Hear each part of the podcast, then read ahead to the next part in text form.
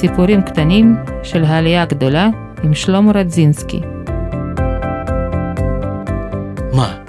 מה גרם למיליון וחצי אנשים בשנות ה-90 ובשנות ה-2000 לעזוב את אזור הנוחות שלהם בברית המועצות ולעלות לארץ? תשמעו סיפור. שלום לכם למאזינים יקרים, היום אני שמח לארח אצלנו את אה, ולנטינה לאה לבריק. שלום, שלום לכולם. תגידי בבקשה, איפה את uh, גרה? אני גרה בהר חומה בירושלים. כשהגענו ארצה, מיד הגענו לירושלים, בירה שלנו ועיר הכי יפה בעולם. מתי הגעתם ארצה? הגענו ביוני 91. 91. בת כמה היית? הייתי בת 39, אימא לשתי בנות, אחת בת 16, הקטנה בת שנה ועשרה חודשים, עם בעלי וחמותי. איפה את עובדת? עכשיו אני כבר בפנסיה, אבל אני ממשיכה לעבוד. אני בעצם מורה לפיזיקה, מרצה לפיזיקה, ואני מלמדת בתיכון ליד אוניברסיטה פיזיקה. התיכון הזה נקרא ליעד, נכון? כן, ליעד. זה מקום, אה, זה נחשב מקום יוקרתי? אני חושבת שמאיזשהו מובן כן. יש מבחני כניסה לתלמידים? בליד"ה יש. בליד"ה יש. זה בעצם אומר שזה בית ספר לא רגיל. אבל זה לא רק בליד"ה יש מבחני כניסה, יש עוד כמה בתי ספר שיש מבחני כניסה, או לפחות מסתכלים מה הציונים, אז זה לא חריג. ויש מבחני כניסה למורים? למורים יש כאילו ניסיון שנתיים, ואם אתה עובר שנתיים כאלה, יכולים להגיד לך להתראות, תודה רבה. טוב, אז נחזור לרוסיה. איפה נולדת? אני לא נולדתי ברוסיה, אני נולדתי בגרמניה. למה בגרמניה? זה קשור לשליחות של אבא שלי. אבא שלי היה מהנדס מכרות פחם. וידע שפה גרמנית טוב מאוד, אז שלחו אותו לשם לפיתוח מכרות פחם, עכשיו אני אומרת את זה במרכאות, זה לא היה פחם, בגבול של גרמניה וצ'כיה. עכשיו, זה היה שליחות סודית, כי זה בעצם היו מכרות אורניום, ואבא שלי כתב את המכתב על שמירת הסודיות לחמישים שנה, אז כשאני הייתי בת 50, 49, הוא אמר לנו, לי ולאימא, שזה היה אורניום ולא פחם. וגרנו שם חמש שנים. עד איזה גיל היית בגרמניה? מתי חזרת? כשהייתי בת חמש וחצי, שחזרנו. חזרתם לאוקראינה. חזרנו לאוקראינה, לארטיומובסק, שזה קרוב לדונייצק, אז שנה וחצי אנחנו היינו אצל אימא שלו בארטיומובסק, בתנאים נוראים. זה היה, הייתה דירה קומונלקה, כמו ש... הערת שוליים, קומונלקה, קומונלנה קוורטירה, דירה משותפת לכמה משפחות. העניין שעד שנות ה-80 בברית המועצות רוב רובם הדירות היו שייכים לרכוש המדינה. והמדינה הייתה מחלקת את הדירות בין אזרחים בצורה כזאת, שנגיד בדירה בת ארבעה חדרים היו מתגוררים ארבע משפחות, עם מטבח משותף, עם שירותים משותפים וכל מה שיוצא מזה. הערה נוספת, כריתה, גיגית, עשוי מפח ברזל, די קל, משהו כמו שני שלושה קילו, המידות של הגיגית היו בערך מטר וחצי על חצי מטר והעומק בערך 25-30 סנטימטר. בגיגית השתמשו לצורך כביסה וכדי לרחוץ ילדים, כי המבוגרים היו הולכים להתרחץ לבית מרחץ הציבורי. רק להזכירכם שכל זה היה לפני סלילת צינורות מים עד כל דירה. והמים לכל הפרוצדורות האלה היה צריך להביא בדליים. כמה שכנים ולא הייתה אמבטיה ואני זוכרת את הכריתה, לא יודעת איך זה ברוסית כזה, מישהו ממתכת, שם עשו את האמבטיה שלנו. ושכנים שבן של שכנה לפעמים היה שתוי ועשה בלאגן ואמר אני, אני ארצח את כולם חוץ מלוסיה שזה אימא שלי, לוסיה את טובה אבל כל השאר אני ארצח. תגידי, היה לך איזשהו קשר עם יהדות שם באוקראינה, בגרמניה אולי? עכשיו, בכלל. אני עשיתי גיור, אז קשר ליהדות היה דרך אימא שלא יהודייה. אבל כל החברות שלה היו יהודיות, רובם, וכל הילדות שלה היה בסביבה של יהודים. ולסבתא שלי היו קשרים מצוינים עם יהודים, והיא הצילה משפחה במלחמת העולם השנייה, משפחה יהודית. איך הסבתא הצילה את המשפחה? סבתא, סבתא הייתה גיבורה גדולה, היא קודם כל היא הייתה אשתו של אויב העם. הערת שוליים, אויב העם, ורג נרודה. המושג הרשמי הנפוץ במיוחד בזמנו של סטלין. כל מי שהיה חשוד בפעילות נגד השלטון הסובייטי, המדיניות הסובייטית, היה נתפס, נעצר, ונידון למאסר מ-10 עד 25 שנה. לעתים לא רחוקות, האדם הזה היה נידון למוות. אלה שלא קיבלו גזר דין מוות, אלא שלחו אותם לבניית תעלת בלומור בלטי, או בניות גדולות אחרות בזמנו של סטלין, גם בהרבה מקרים לא חזרו משם. במקומות המאסר הייתה מקובלת חלוקת האסירים בין אויבי העם, פוליטיים, לפושעים אחרים, קרימינליים, כגון גנבים, רוצחים וכו'. כי ב-1937 הסבא שלי היה נעצר בלילה אחד יחד עם חברים שלו, ושלחו בצפון בסולובקי ולבניית התעלה בלומור בלטי. והוא סיפר סיפורים נוראים שהיו, רצח של קרימינלים הוא היה פוליטי, כאילו אסיר פוליטי, וקרימינלים היו הורגים את הפוליטים על כל השטות. אני לא זוכרת בדיוק, אבל הוא סיפר לאבא שלי, כל ערב שבאים לשם בקיץ, אז בערב הם יושבים, אבא שלי וסבא, והוא היה מספר סיפורים, ואבא היה שותק והיה עמום. מכל מה שסבא שלי חווה שם. אז כשסבתא נשארה ב-1937 ובעלה נעצר כאויב העם, אמרו לה, אם את לא רוצה שישלחו גם אותך וגם בת שלך, אז את תעשי בבקשה גירושים בפרסום בעיתון, שלא יגידו שאת קשורה אליו, והיא עשתה את זה.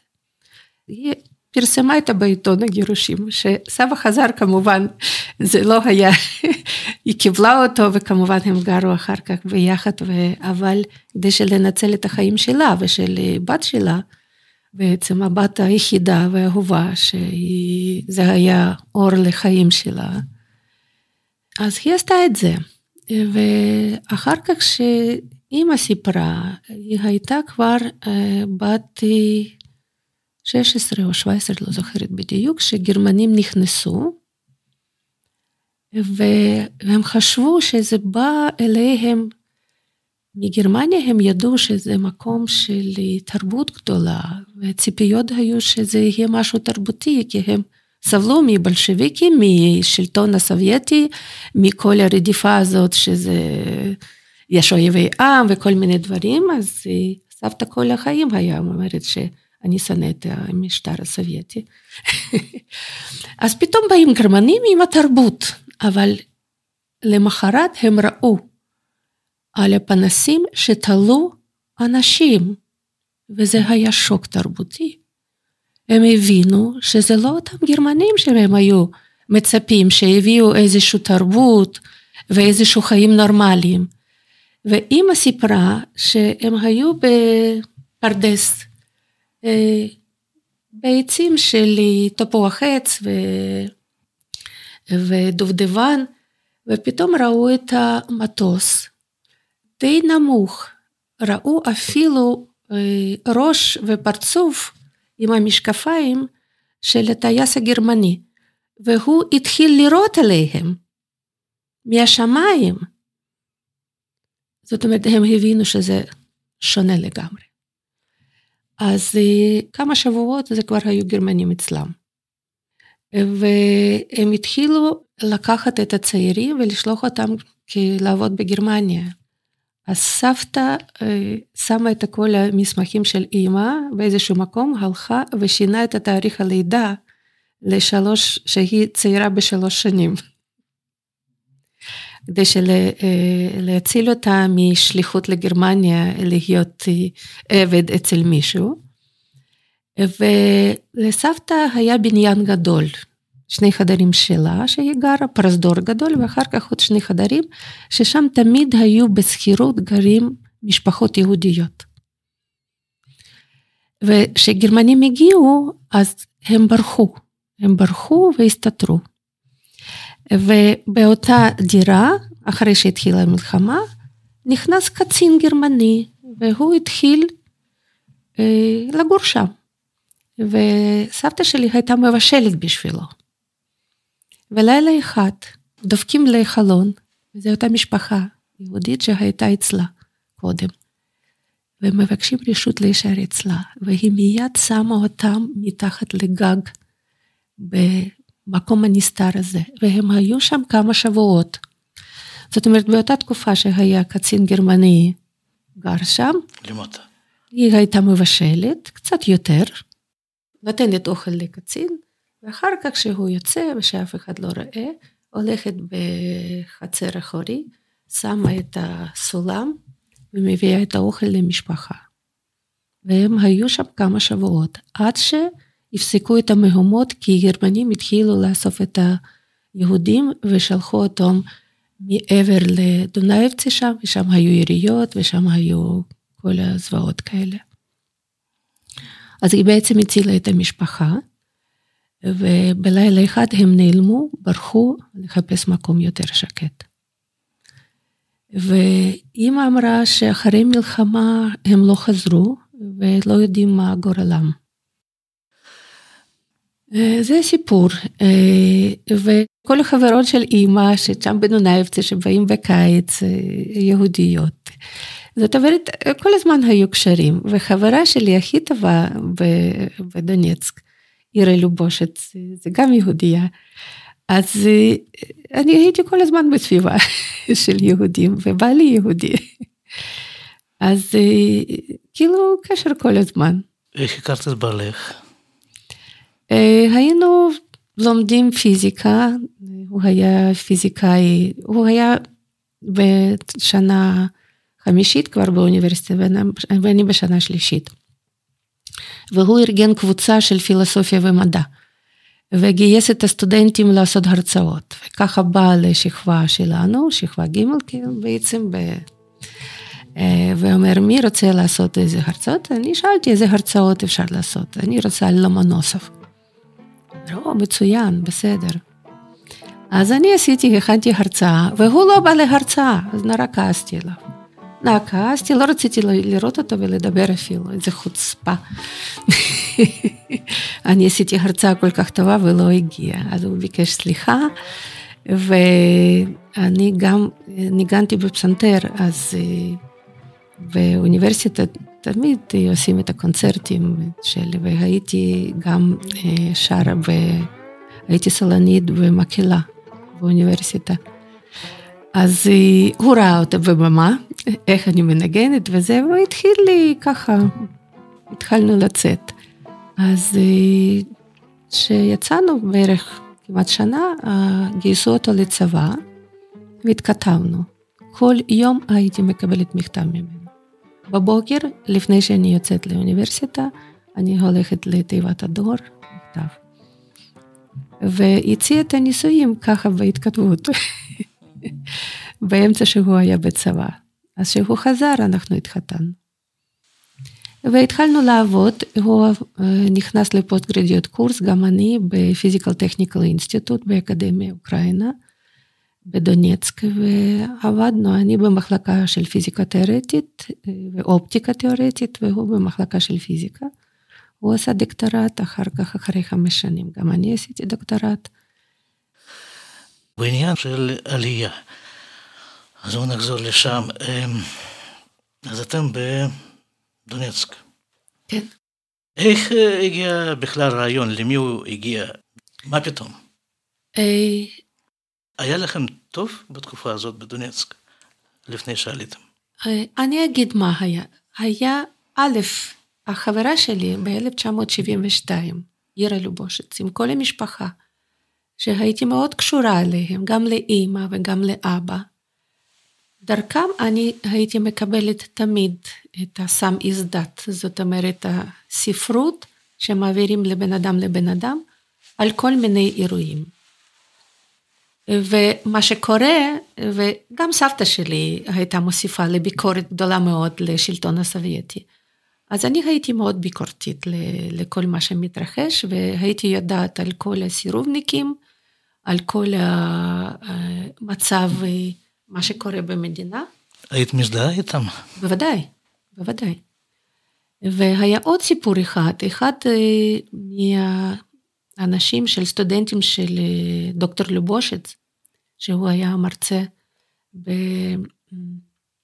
במוסד אקדמי להוראת רפואה. הסטודנט שלו היה מבריק מאוד ורופא טוב מאוד.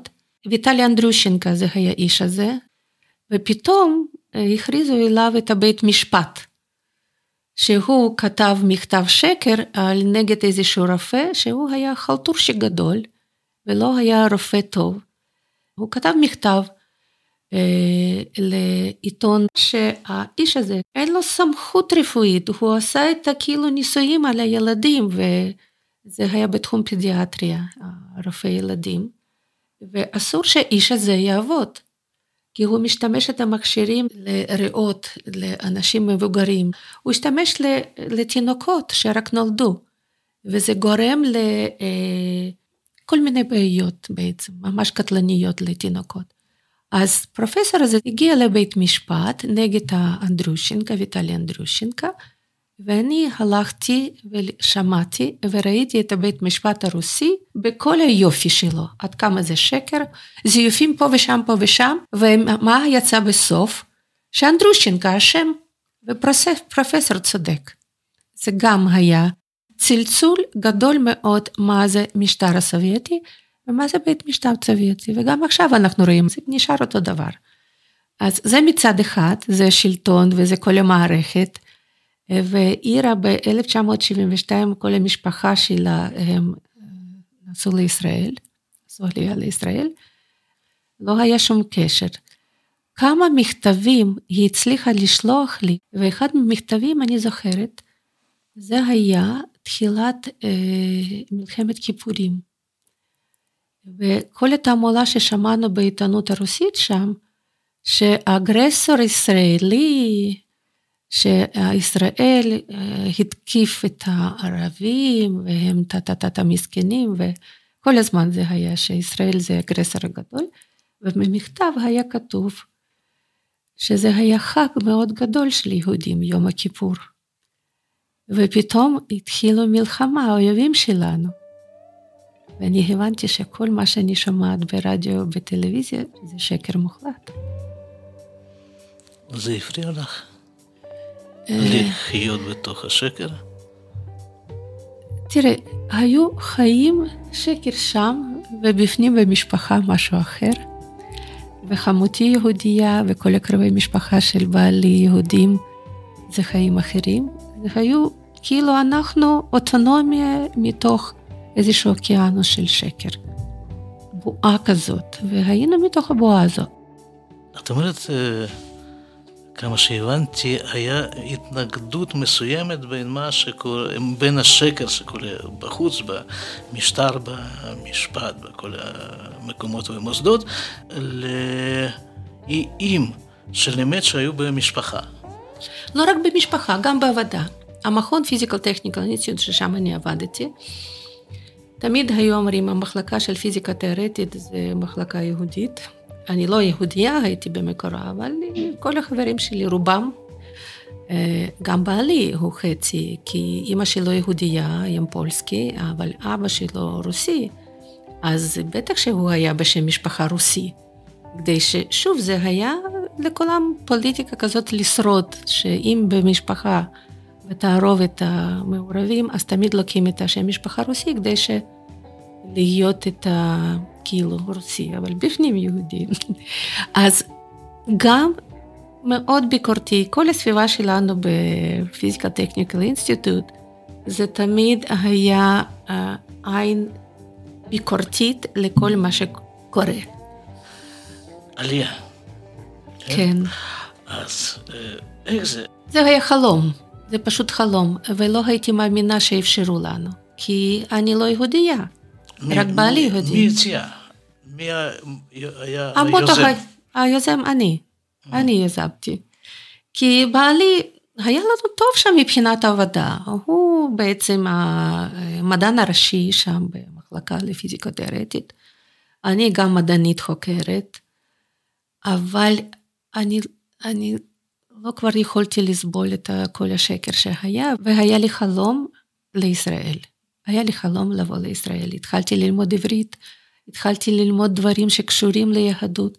איזה היסטוריה, איזה, איזה תקופת השנים, אלף, אלפי שנה, כמה אלפי שנה היסטוריה של עם. ושאומרים, או, מוסקבה זה עיר מאה 11, זה בעצם הוקמה את מוסקבה. מה זה מאה 11? שלושת אלפים לישראל, לירושלים, שלושת אלפים, אפילו יותר, זה היה מרתק.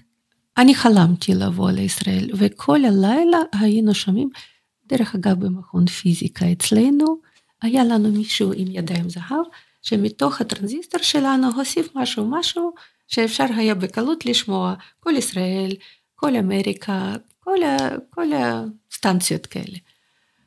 ואני שמעתי את הקול ישראל כל לילה, והייתה כל הזמן שאלה, האם יכול, אנחנו יכולים, כי אנחנו משפחה של אה, נישואים אה, מעורבים, ואם כאלה מקבלים או לא מקבלים. ומתוך השיחות ששם היו מעבירים, מישהו אמר שאם יש אה, בני משפחה שאחד לא יהודי, אז אפשר לעבור גיור ועושים שם. איזה שמחה אני הרגשתי, כאילו מקבלים אותי, ואני רוצה להיות. זה היה ממש מרגש, והתחלתי לדרבן בעלי, אנחנו יכולים, בוא. הוא היה בהתחלה נגד, אבל עשה סיבוב עם בת הגדולה שלנו אה, אצל קרובי משפחה, נוסע ללבוב, לקייב, למוסקבה, חוזר ואומר, כן, אנחנו נוסעים. כולם יושבים על מזוודות. איזה שנה? זה היה 89. אז... מה, מה היה בסיבוב? מה כל כך... אה, קרובי זה... משפחה. הוא הלך לקרובי משפחה ודיבר איתם. ודיבר, כי אימא שלו לא רצתה. קרובי משפחה שלו זה יהודים. יהודים, כן. מה הזיז אותו? מה הביא אותו להחלטה? אני כל סיבוב, הזמן הייתי אומרת... בסיבוב. אה, בסיבוב הזה?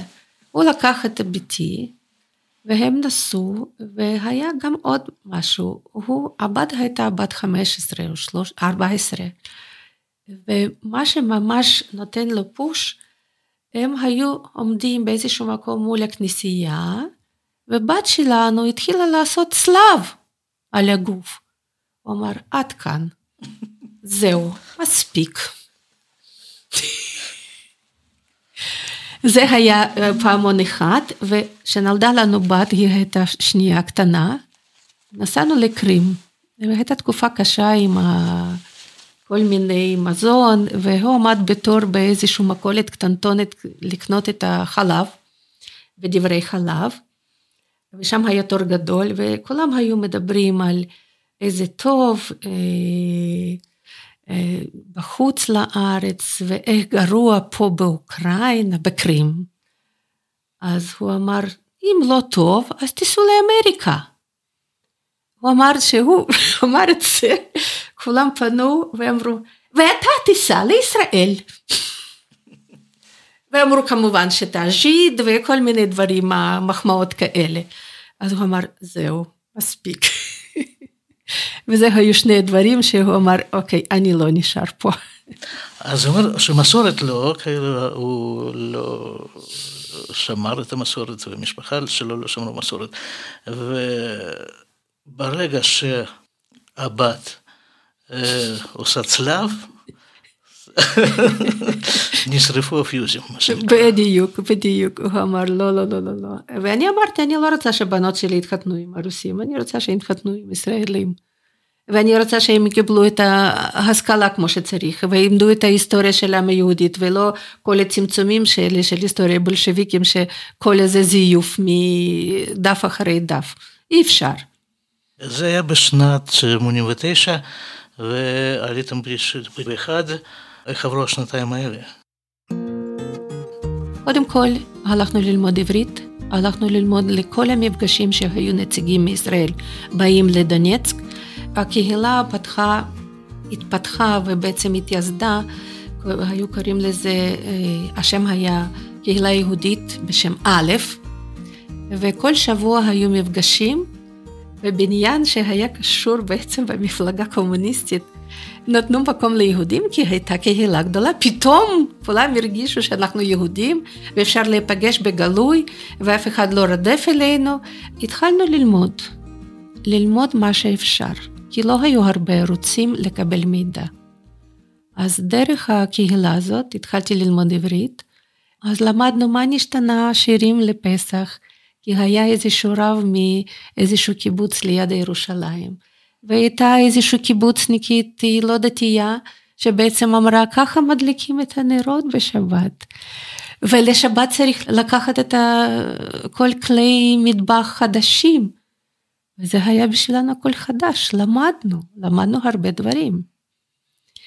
וגם שלקבל את הוויזה היינו צריכים לנסוע למוסקבה, לעמוד שם בתור יום ולילה, להיכנס לקונסוליה, וגם בקונסוליה ש... פגשנו את הקונסול והוא אמר, את יכולה לעשות גיור ואני ממליץ לעשות את זה ממש בהתחלה. כשהגענו ארצה, בתקוותנו, אנחנו, שהיינו באולפן, אני מיד אמרתי, אני רוצה, ומורה משם, רבקה שחר, לקחה אותי ולימדה אותי שנה, וליווה אותי שנה. את זוכרת את הרגעים הראשונים בארץ, כשירדתם ממטוס?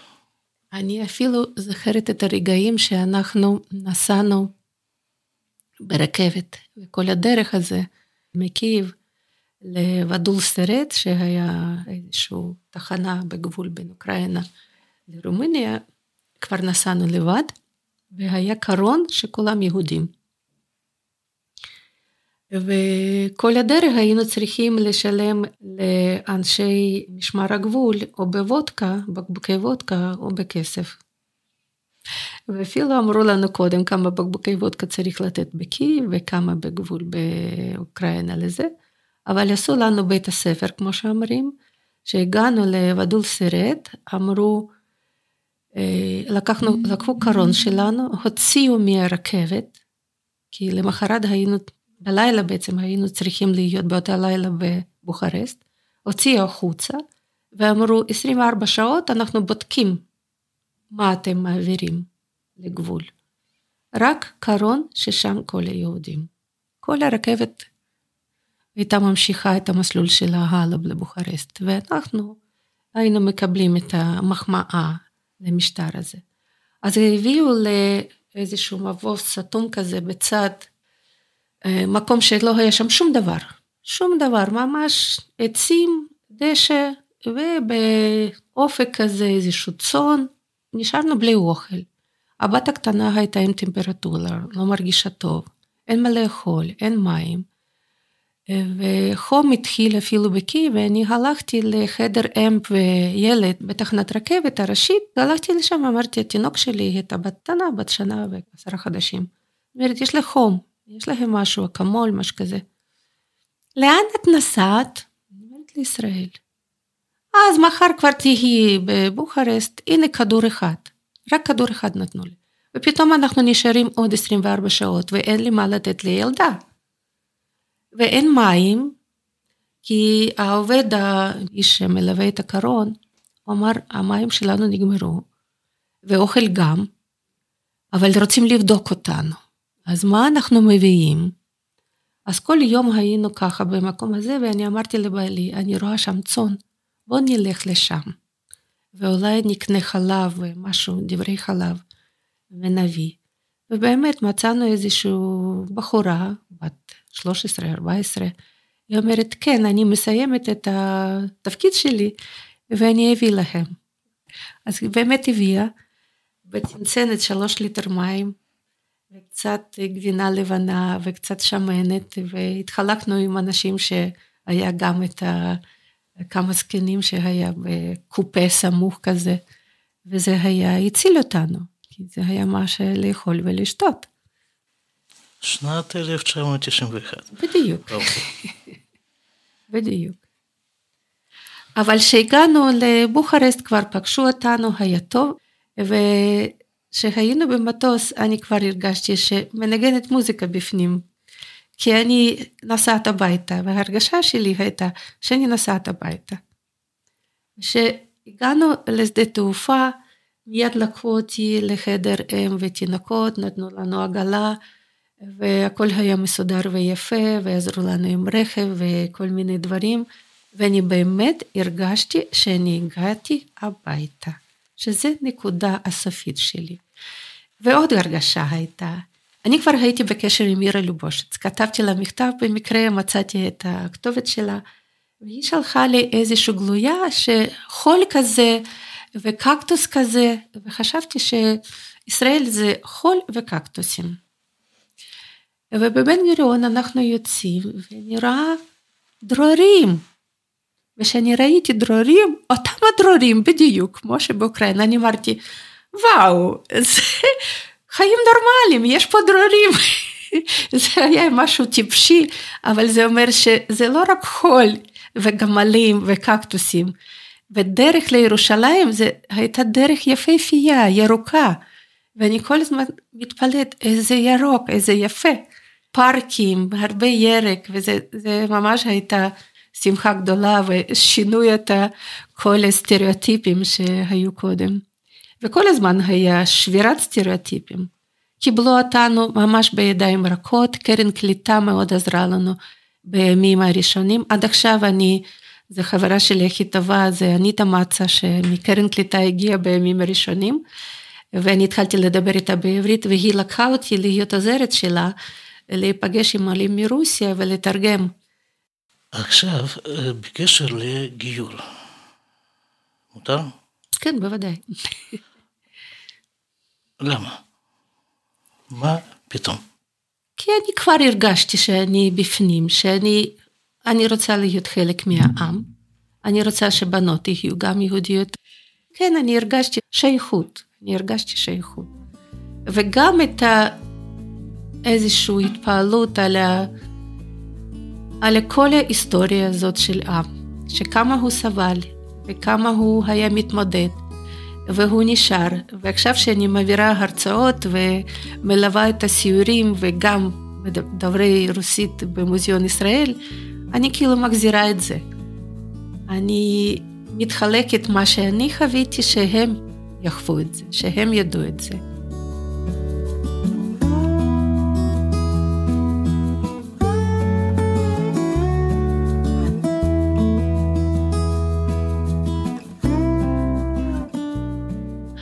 כשהגענו ארצה, אז היינו מבינים שלהיות באקדמיה זה בלתי אפשרי. למה? קודם כל, היו הרבה כאלה כמונו, עם התואר שלישי, והיינו קצת מבינים שהדרך זאת יכולה להיות ארוכה לחפש מקום באקדמיה, והיינו צריכים לשרוד. ואני ראיתי הודעה בעיתון, שלמי שיש תואר שלישי בפיזיקה ובמתמטיקה, פותחים קורסים באוניברסיטה העברית להיות מורה, הסבת למורים, ממדענים. אז ראיתי את בעיתון רוסית, זה היה יום שישי, ביום ראשון אני כבר הייתי באוניברסיטה העברית, הגעתי לשם ואני אומרת, אוקיי, אני רוצה להירשם לקורס, ואמרו לי, נגמרה את ההרשמה כבר. אז אני אומרת, איך זה יכול להיות שההרשמה נגמרה? והיה לי שפה עברית, אני למדתי שנה לפני עלייה, וזה הציל אותי. אז אני התחלתי להתווכח, כמו ישראלית. אמרתי, איך זה יכול להיות? יום שישי אני קנה עיתון, היום יום ראשון, ואתם כבר רואים שהרשמה נגמרה, מתי? בשבת? הם אומרים, אוקיי, את רוצה לנסות? אני אומרת, כן, למה לא? אז הנה, תעשי מבחן. אני אומרת, מה זאת אומרת תעשי מבחן? הנה חוברת, תעלי לכל השאלות וזה מבחן. אני הייתי בהלם כי זה רק בארץ דבר כזה. בעברית. בעברית, כן. מבחן בעברית, חוברת, אני אומרת, רגע, עכשיו? היא אומרת, כן, עכשיו, יש לך שעה. ואני אומרת, וואי, וואי, וואי, חבל שלא לקחתי מילון, לא היה לי כלום. פתחת את החוברת, קל מאוד. מדפדפת, מדפדפת, יותר טוב, ובסוף זה רמה נורמלית. אז אני התחלתי מהסוף. התחלתי מהסוף, הגעתי לאמצע, זמן נגמר, אני חוזרת לדלפק, אומרת, אוקיי, זמן נגמר, לא הספקתי הכל. לא משנה, תשאירי את החוברת, תכתבי טלפון.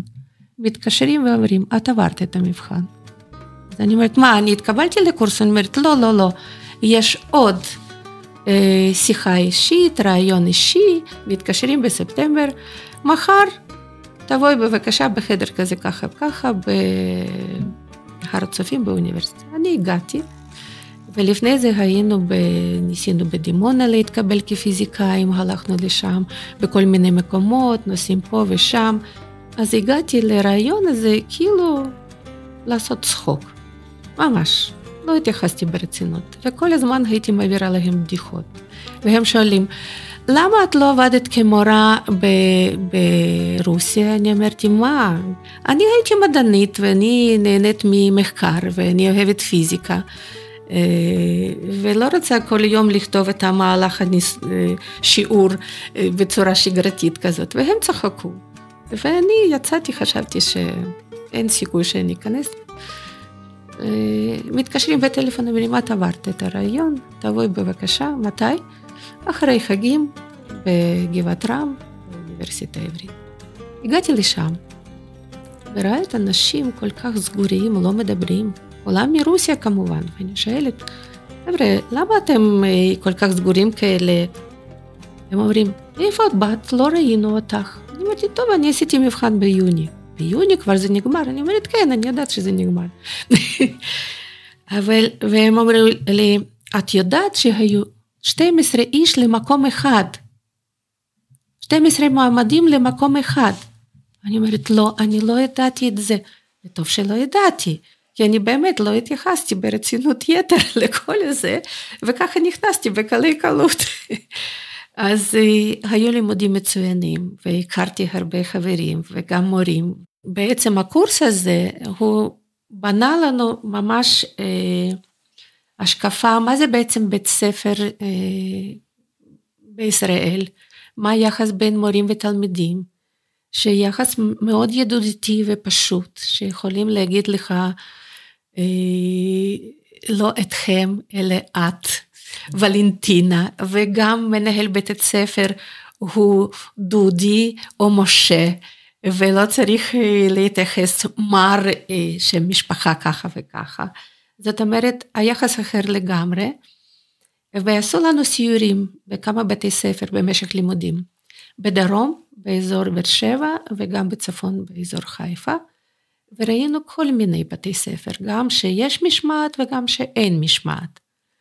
אה, כדי שיהיה לנו רושם מה בדיוק, איפה אנחנו נכנסים לאיזה תפקיד. והבנתי שאני לא רוצה להיות מורה בבית ספר רגיל, או דתי עם בנות, או בית ספר יוקרתי כמו לידה. שאלו אותנו, איפה אתם רוצים להיות מורים? אני אמרתי, אני רוצה אצל בנות, בית ספר דתי. וככה נכנסתי לחורף בנות. אז ב-91 הגענו ארצה, ב-92 אני כבר הייתי מורה בתיכון, בתיכון חורף. ומיד כשנכנסתי, אמרו לי, יש לנו מורה אחד שהוא עכשיו במילואים, וזה כיתה י"ב, הכנה לבגרות, אז בבקשה, הנה דף שהוא השאיר בכתבי יד. תרגילים, את יכולה להסתכל ומחר תסבירי להם איך פותרים אותם.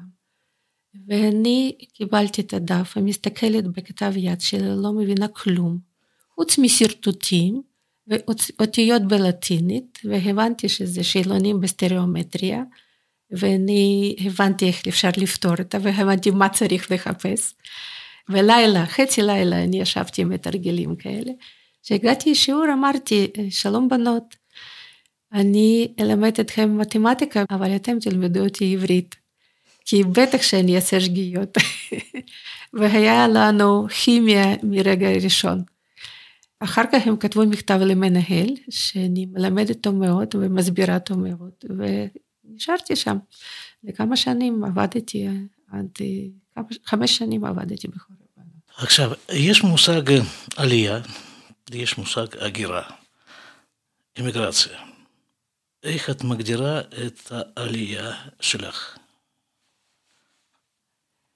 אני לא יודעת, יש אנשים שנוסעים, גם קרובי משפחה יש לנו שעושים, שגרים בארצות הברית ובקנדה, בכל מיני מקומות, אצלנו זה לא היה על הפרק. אנחנו רצינו לישראל, ואני גם רציתי שהילדים שלי יהיו בישראל, וגם הנכדים שלי. עכשיו, הנכד הגדול הוא בצבא, שריונר,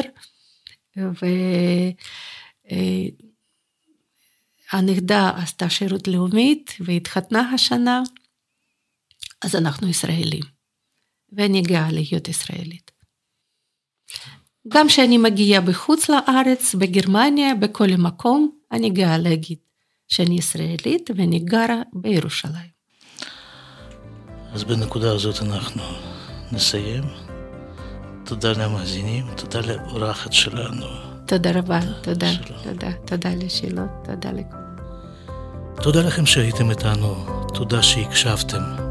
אפשר להאזין לפרקי הפודקאסט באתר שלו www.עלייה2000.co.il או בכל אפליקציות פודקאסטים.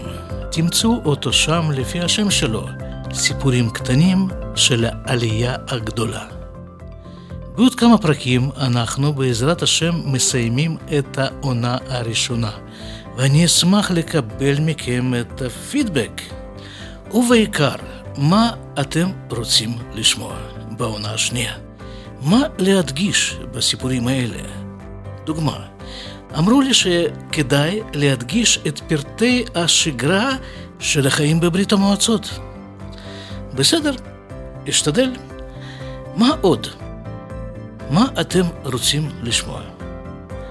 אתם יכולים לכתוב לנו בדף הפייסבוק שלנו, כתובת הדף נמצא בתיאור הפרק.